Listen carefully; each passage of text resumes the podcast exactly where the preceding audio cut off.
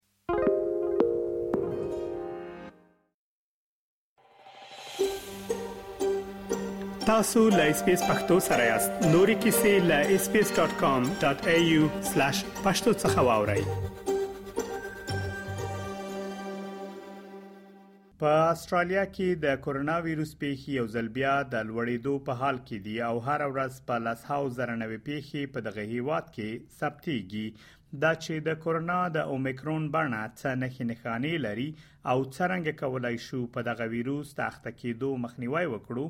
د همدغې موضوع په اړه غواړم د استرالیا په کوینزلند ایالت کې له فامیلي ډاکټر ښاغلي عطاالله شینواري سره مرکه تر سره کړم ډاکټر صاحب په پیل کې مهرباني وکړئ او زموږ له اوریدونکو سره معلومات شریک کړئ چې د کورونا ویروس اومیکرون بڼه کومې نښې نښانې لري د ټولو مخه غواړم چې خپل احترامات او نیکی هیلې درنو عزیزانو وطنداران د د کورونا د اومیکرون د نوې څخه د دې لکه د زمونږ اساسي په ساده اصطلاح باندې د ریژس او د زکام نښې دي مریض مړه تبه خفیفه تبه لري د ستوني درد لري کله کله وسره پوزه بهیږي او کله کله د پوزې سوزش او یا پرنجی وسره موجود وسیږي په لومړی وختونو کې سردردي کمه وسیږي وروسته سردردي پیدا کیږي او د وجود درد معمولا د عضلاتو درد ډیر زیات سره پیدا کیږي کله کله په ډیرو نادرو حالاتو کې مریض ته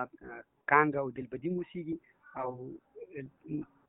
بعضې حالتونو کې کېدای شي چې مریض د اسهالات څخه هم شکایت ولري ډاکټر صاحب دلیل څه دی چې د اومیکرون په بڼه ډیر خلک اخته کیږي یا هم ولی د ویروس دغه بڼه ډیره په چټکۍ سره د خبرېدو په حال کې ده معمولا د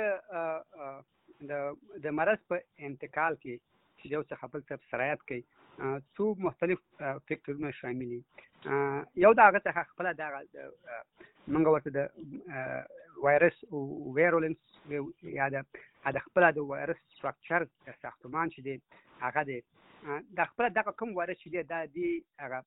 په ارسی حساب باندې دی خاصیت لري دی توانایي لري چې په چټک ډول سره بل انسان ته انتقال شي کم خاص کوم محیطي فکتورونه تر اوسه پورې نه دي پیژندل شوي خو معمولا دغه وایرس د دې توانایي لري چې د یو څخه بل څاته په ډېر زر ډول سره سرعت وکړي د د سرعت لارې تقریبا هماغه د پخواني د کورونا د نورو انواعو په شان دي زیاتره د تنفسي لارې څخه د تماس لارې څخه او یا کله کله داسې کېدای شي چې یو سړی چې په دې وایرس باندې اخته شوی اوسېږي د هغه د هغه تماس د یا د هغه د افرازاتو تماس د نورو شانو سره د مثال په تور باندې لکه هغه کومه پیاله اخلي کوم دسمال یو وسیږي یا فرض مثال ساده کله کله چې موږ ته زو په په تیلو په ټانک کې تیل اچو نو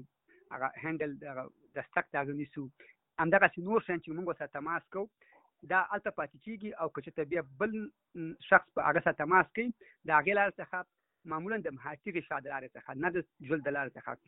بیا که موږ تماس هغه سره وکړو هغه موږ خپل سترګې وموږو یا پوزه وموږو یا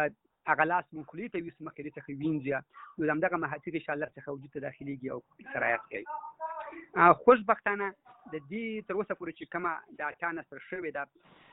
داسې معلومیږي چې دا وایرس د سرایت ډیر توانای لري مګر الحمدلله کوم واقعیت چې تر اوسه پوه شوي دي ډیر وخیم نه دي او په ډیر سطحي ډول سره اته لکه د عادي رزش باندې تیریږي اگر چې ستل همدا اوس هم بعضې خلک د دې ناروغۍ څخه بستر شوي دي خو معمولا هغه خلک بستر شوي چې هغه ډیر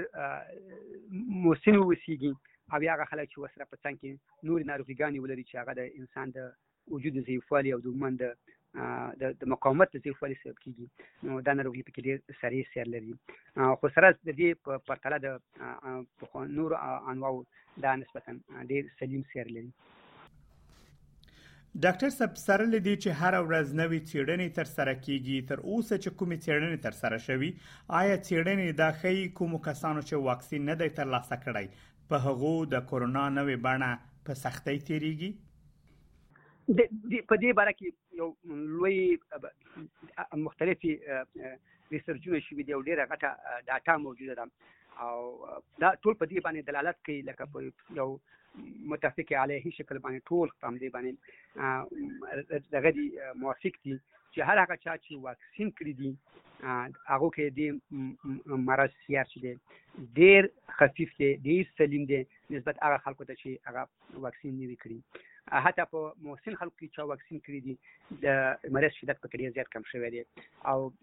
معمولا د کدی ودی زکام یا رزش په ډول سره د مرض پکې تیر شوی دی نو له همدې خاطر معمولا د خلکو ته زمونږ خواهش نه ده که چا واکسین نه وي کړي واکسین باید وشي د واکسین خطرات نسبتا ډیر کم دي نسبت د دې مرض د خطر ته نو په هغه خلکو چې چې واکسین کړی د مرګ شمیر هم ډیره کمه ده او د مرض د وخامت اندازه هم ډیره کمه ده نو واکسین ډیر موثر تمام شوی دی ډاکټر صاحب د واکسین ترڅنګ د مخنیوي لپاره کوم نور کارونه دي چې باید ترسره شي ترڅو په ویروس له اخته کېدو یا هم د ویروس د خپرېدو مخنیوی وشي؟ د واکسین څخه په غیر معمولا یعنی مهمه طریقه چې ثابته شوې ده هغه دا ده چې موږ څومره کولی شو چې هغه خلک چې په دې وایروس باندې اخته شوي دي او هغه څوک چې اخته دي نور چاته ورنکي چې خپل ځان د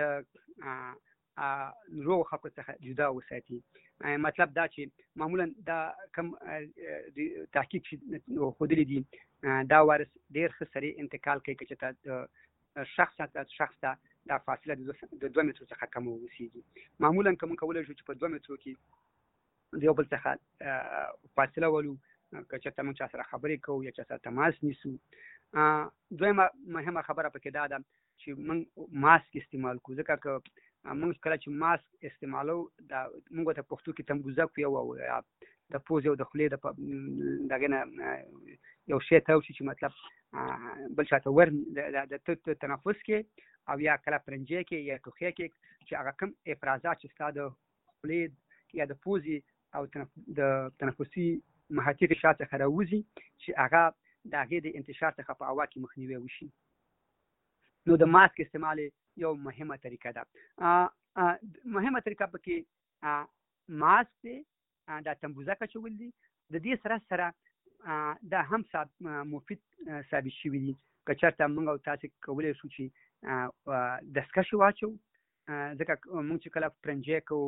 یا خپل سترګې مخو یا خولې ته ګوتې وړو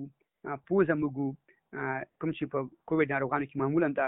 به دوی کې ځکه سترګې سوځي سترګې نه وبوزي د پوز نه وبزي نو دا لاسونه په دغه وایرس باندې دغه شی وسیږي ملوث شي وسیږي نو کله چې موږ ماسک واچو نو د دې انتقال نورو لکه کوم شی باندې موږ ګوتی وو هغه ته انتقال کمیږي او نزي نو مګر دې طریقه اسرائیل کم دی مګر چانس شته دی نو معمولا موږ باید کوشش وکړو چې لاسونه خپل وینځو مخکې د تماس څخه وروسته تماس څخه او دستکش استعمال کوو نو د دستکشو یا د لاسونو پټول د دویمه مهمه طریقه ده چې سره د کولای شي ځان دغه کی بل مهمه طریقه پکې دا ده چې کوم دغه وختونو کې د میلو او د غونډو چې هغه کې کوشش چې ډیر خلک را جمع کیږي ځکه د دې هغه په ساده حساب باندې ایکسپوز دي کیږي د خلکو ایکسپوجر کیږي دغه ته نو دا مهمه طریقه چې موږ تاسو کوشش وکړو چې په ځانګړي ډول سره په تاسو وختونو کې ژوند وکړو نسبت دې چې په قتلي ډول سره جمع شو غونډې وکړو ټولنې سره جوړې کړو دا د هغه طریقې دي چې باید سره کوشش وکړي چې دغه شي یا کله کله چې من که ډوډۍ خورو یا که میوه خورو په هغه هم ګوتې وهلې اوسېږي نو که امکان یې چې هغه ایسته کو وایي نو بیخي د بین کې واچو او که بین کې نه اچو موږ خپله وخورو خپله یې خلاصه کړو او دا لوښي په خپله وینځو نو دا هغه طریقې دي چې ډېرې مفید تمامېږي بدون د واکسین تداوی څخه ډاکټر صاحب نن سبا د کورونا د چټکې ازموینې یا راپید انټیجن ټیسټ په اړه بحثونه زیات شوي دي آیا د دې ټیسټ پایلې هم د پی سي آر ازموینې په اندازه دقیق دي د معنی په برخه کې پی سي آر چې دی د هغه په حساب سره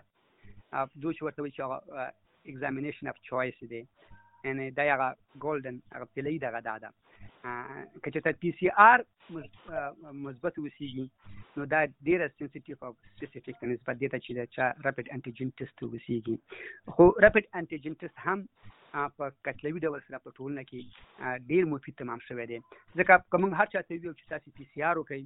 نو په دې اوسني شرایطو کې به دا ډیره د د د د ریالستیک بنو وسی کی بنو وسیږي په دې خاطر چې هر چا ته ضرورت دی چې حد اقل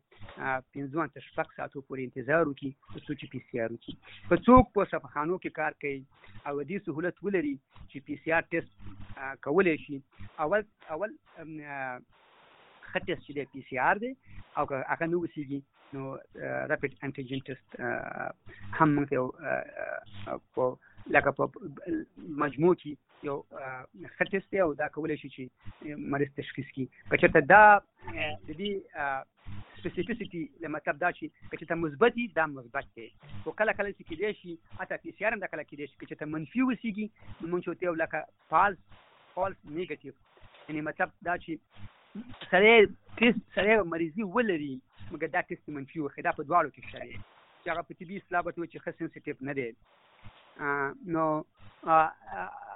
دا د د پی سي ار زه نشي نیولې مګر خټ ټیسټ به سره وکی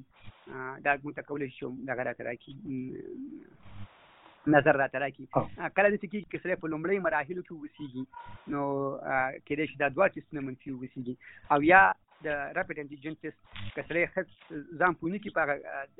لارښود باندې غلط ډول سره وکی چې دې شي منفي وخی مګر که چې مثبت راغی دا مثبت دی دې کې دې څه نشته ډاکټر صاحب زما ورسته پوښتنه دا ده کچیر یو څوک د کورونا نخې نخانی ولري مګر په لومړی ورځ یا هم په لومړی ورځو کې د کورونا د ازموینې پایلې منفي وي آیا د دې امکان شته چې دغه پایلې د دې په اصل کې مثبت اوسېږي خو صحیح تشخیص شوی نه وي او که چیرته داسې یو حالت رامخته شي آیا دغه شخص ته په کار ده ترڅو احتیاط هم وکړي او کنه معمولا په ما چې مخکې ویلې که چرته منفي دا کېدای شي چې مثبت شي